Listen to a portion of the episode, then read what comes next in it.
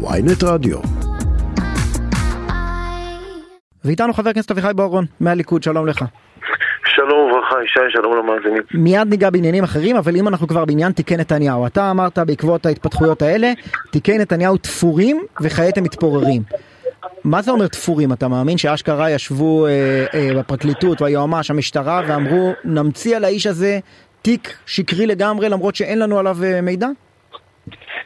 תראה ישי, אני אה, מאמין באמונה שלמה שאי שם בשלהי 2016, אני אתן לך את התיאוריה שלי עכשיו, לא יודע אם שמעת אותה בעבר, אבל אי שם בשלהי 2016, תחילת 2017, כשנתניהו אה, התחיל או נתן גיבוי למהלך של חוק ההסדרה, תבדוק את התאריכים, שם נפל הפור והחליט מי שהחליט בפרקליטות שהיחסים המורכבים עם נתניהו ובני משפחתו עלו על סרטון ושם ניתן האות למשחית להשחית.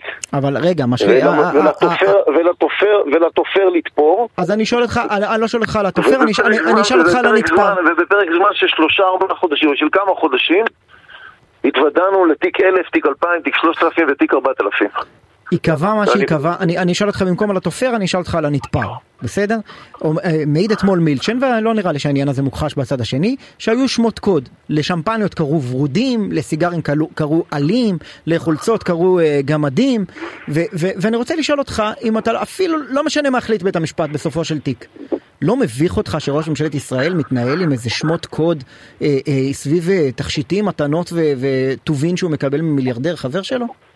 השאלה לא אם זה מביך או לא מביך, השאלה היא שי אם זה חוקי או לא חוקי וזה מה שיקבע בית המשפט. אני מאמין שיש הרבה התנהלויות שאתה אתה יודע, אה, אה, בת מלך שירדה מגדולתה, הציבור צריך לפרנס אותה כפי, אה, כפי הרגליה. כל אחד יש לו את החברים שלו, ויש לו את ה... גם שמעתי אותך מדבר עם המרואיין הקודם, כל אחד יש לו את החברים שלו.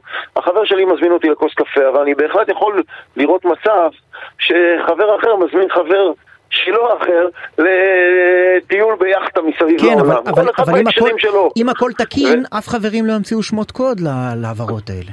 אני לא, לא נכנס לפרטים, באמת אני לא נכנס לפרטים, גם כי אני לא בקיא בפרטים ולבקש ממני להתייחס לתיק משפטי בלי שאני בקיא בו, אה, גם, גם כעורך דין לא הייתי עושה את זה. לא, אבל, אבל, וזה- אבל, וזה לא יודע מה, נכון, אדרבה, בוודאי אז לא אולי, אז אולי. המציאות, אז אולי המציאות המשפטית, אפשר בסדר. אז המציאות המשפטית היא אכן מורכבת, ונשאיר את המשפט למשפטנים, אבל, אבל המשמעות של תפירת תיק, כפי שאמרת, אה, הוא החליט על חוק ההסדרה, אז החליטו לצאת נגדו, אולי גם היא לא כל כך מדייקת את המציאות המורכבת, כי יש פה דברים, אפשר לחשוב כך, ואפשר תופעה, לחשוב אחרת. ישי, ישי, יש פה תופעה, והתופעה היא שכשרוצים להוריד נבחר ציבור מכיסאו, פתאום הוא מוצא את עצמו, איך אמר לי שר בכיר בממשלה היום, לכל חבר כנסת יש מגירה.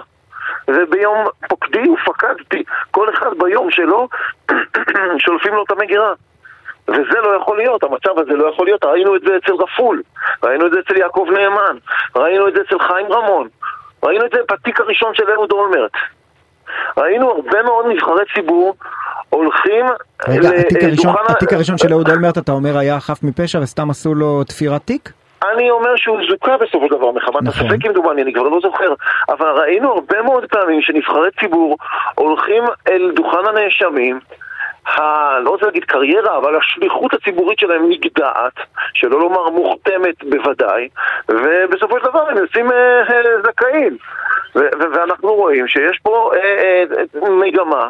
תהליך, אה, אה, תאמין לי, כולנו נגד שחיתות, בוודאי שחיתות בצווארון לבן אה, בדרגי מהמם. הציבור, אצל נבחרי ציבור. ויש איים של שחיתות, אין ספק.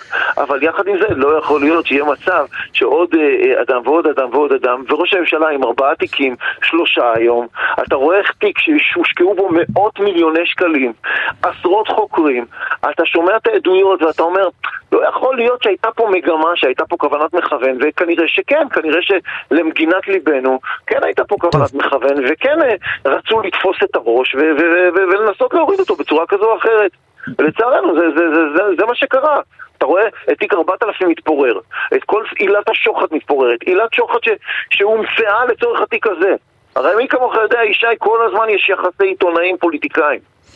היום פוליטיקאים הולכים על אה, קצות האצבעות כן, בגלל, טוב, ה- אה, בגלל התיק הזה. זה מה, ש, מה שכונה אה, שדה לא חרוש על ידי היועץ המשפטי לממשלה ועוד יידון אה, בבית המשפט. אני רוצה לשאול אותך בכל זאת על מה שקורה אה, בימים האחרונים בגזרה שבה אתה מתגורר, גזרת בנימין, לא בדיוק בסמיכות ליישוב עמיחי, אבל אה, אה, בכל אופן, אה, מקרים שאני חושב חסרי תקדים בהיקף שלהם, של אה, מתיישבים שהם הולכים ופוגעים בחפים מפשע פלסטינים בכפרים שלהם. איך אתה מתייחס לאירוע הזה?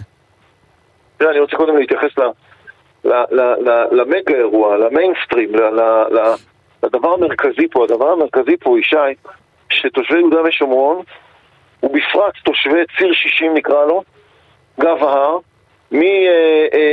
מיצהר ואלון מורה בצפון ועד דרום הר חברון בדרום, חשופים יום-יום, שעה-שעה, למאות אירועים בחודש של יידויי אבנים, ואבנים זה לא אבן חצץ, זה אבנים גדולות שמרסקות שמשות והורגות, למאות אירועים של בקבוקי תבערה, של ירי. פה באזור שלנו אני יכול לספר לך על מטעני צד. ממש אה, דרום לבנון אה, הפכנו להיות, והתושבים, אני אומר לך, במצוקה אמיתית מרגישים, מרגישים מטווחים, אה, ברווזים במטווח, ולא כביטוי, לא כמטאפורה. תבין שכשמחבל נכנס לחומוס אליהו ומתחיל לטבוח באנשים מטווח אפס, אנשים הולכים עם פחד בלב. אני יכול לספר לך על עצמי.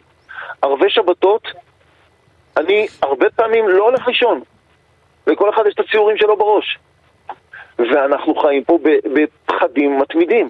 הפחד הזה, המתח הנפשי הזה, הוא מתפרץ בסופו של דבר. רגע, אני, אני, לא מקבל, מרגיש- אני מקבל חד משמעית את המדרג. ישי, האירוע, בוא- בוא האירוע נרד המרכזי. האירוע בוא המרכזי, שנייה. רגע, בוא נקבל את המדרג. האירוע המרכזי הוא שמחבל פלסטיני ירה למוות בארבעה אה, אה, חפים מפשע ורצח אותם. זה האירוע המרכזי וזה האירוע המרכזי בגזרה באופן כללי. זה השפיץ של האירוע אבל בוא המרכזי. נדבר על- המרכזי אבל- גם אירועים משניים ראוי נעסוק שנייה. בהם. רגע. זה השפיץ של האירוע המרכזי. האירוע המרכזי הוא שיש מאות אלפי אנשים. שחיים בפחד, תחת. טרור יומיומי, ומערכת הביטחון עם כל האהבה שלנו לחיילים, עם כל החיבוק שאנחנו חיילים. הבן שלי לפני חודשיים השתחרר מהצבא. חבר הכנסת. אביחי בוארון, מאה ה- עם אחוז. כל האהבה שלנו, המ- המערכת לא נותנת לנו את התחושת ביטחון ולא את הביטחון עצמו. מאה וזה אחוז, צריך להבין, ועדיין, זה האירוע ועדיין. אז, אז, אז המ- המדרג מקובל וצריך למקד את הפוקוס בדבר המרכזי, אבל גם בדבר המשני לפעמים צריך לדבר עליו.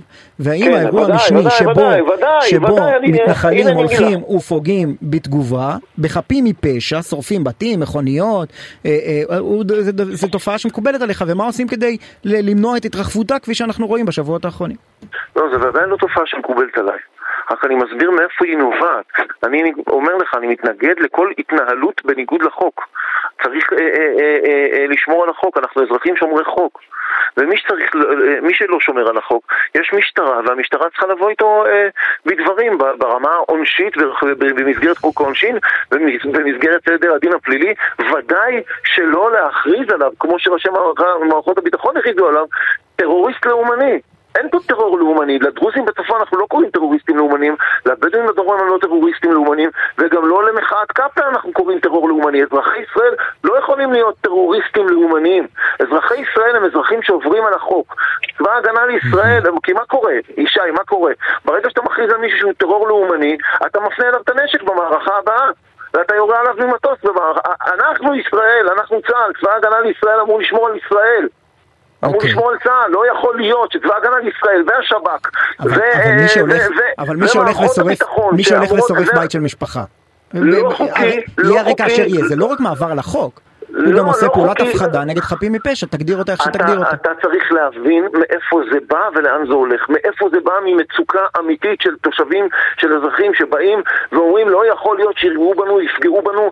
רק בשלושה חודשים האחרונים תשעה נרצחים, שלושת נשות משפחת די, האחים יגל, עכשיו ארבעה נרצחים נוספים. לא יכול להיות, אתה, אתה, אני רוצה שתבין את זה, ישי. אין לי- אין לי- אין לי טיפת, אה, אז, אז תבין, אני- תבין שבאים צעירים ואומרים, לא מגינים עלינו, אז אנחנו נגן על עצמנו. עכשיו, מה קורה כתוצאה מזה? כתוצאה מזה כוחות צה"ל מתחילים להפנות את כלי הנשק שלהם אלינו. מה קורה פה, רבותיי? וראשי מערכת הביטחון לא נוהגים פה עם כל, באמת עם כל האהבה והערכה. לא נוהגים פה באחריות. אתה לא סומך על, מגדירים. אתה, אתה בשעה- לא סומך על צה"ל וראשי מערכת הביטחון שעושים כאן אה, את מיטב יכולתם לסכל את הטרור הפלסטיני? תפריד בין צה"ל בדרגים המבצעיים, מ"פים, אפילו מג"דים, ודאי חיילים, לבין צה"ל, המדיניות הצה"לית. המדיניות הצה"לית להכיל את האוכלוסייה הפלסטינית כשמדובר באוכלוסייה תומכת טרור תומכת טרור זה אומר שמגבה חי... אה, מחבלים, להבדיל, חלילה חיילים, מגבה מחבלים, נותנת להם משכורות, הרשות הפלסטינית נותנת משכורות למחבלים מחלקת ממתקים כשרוצחים בנו ופוגעים בנו. זאת לא אוכלוסייה תמימה, זאת אוכלוסייה תומכת טרור. והצבא באיזשהו, באיזושהי תפיסה פרוגרסיבית, באיזושהי תפיסה וקסנריסטית, מכילה את הציבור הזה, מכילה את האוכלוסייה הזאת, ורוצה רק להשליט, לשמור פה על השקט והסדר. וכשהשקט והסדר מופר מהצד הישראלי, אז הצד הישראלי הופך להיות תומך טרור, טרור לאומני. איפה התבלבלנו? מה אתה חושב שאפשר לעשות כדי לצמצם את התופעה הזאת? כי אתה אומר ש, שאם מישהו עבר על החוק, המשטרה תגיש נגדו כתבי אישום. אנחנו רואים ש, שהקושי הראייתי לעצור את האנשים האלה, להביא אותם למשפט, הוא נמוך מאוד, ואומרים במשרד הביטחון, אנחנו זקוקים למעצרים מנהליים.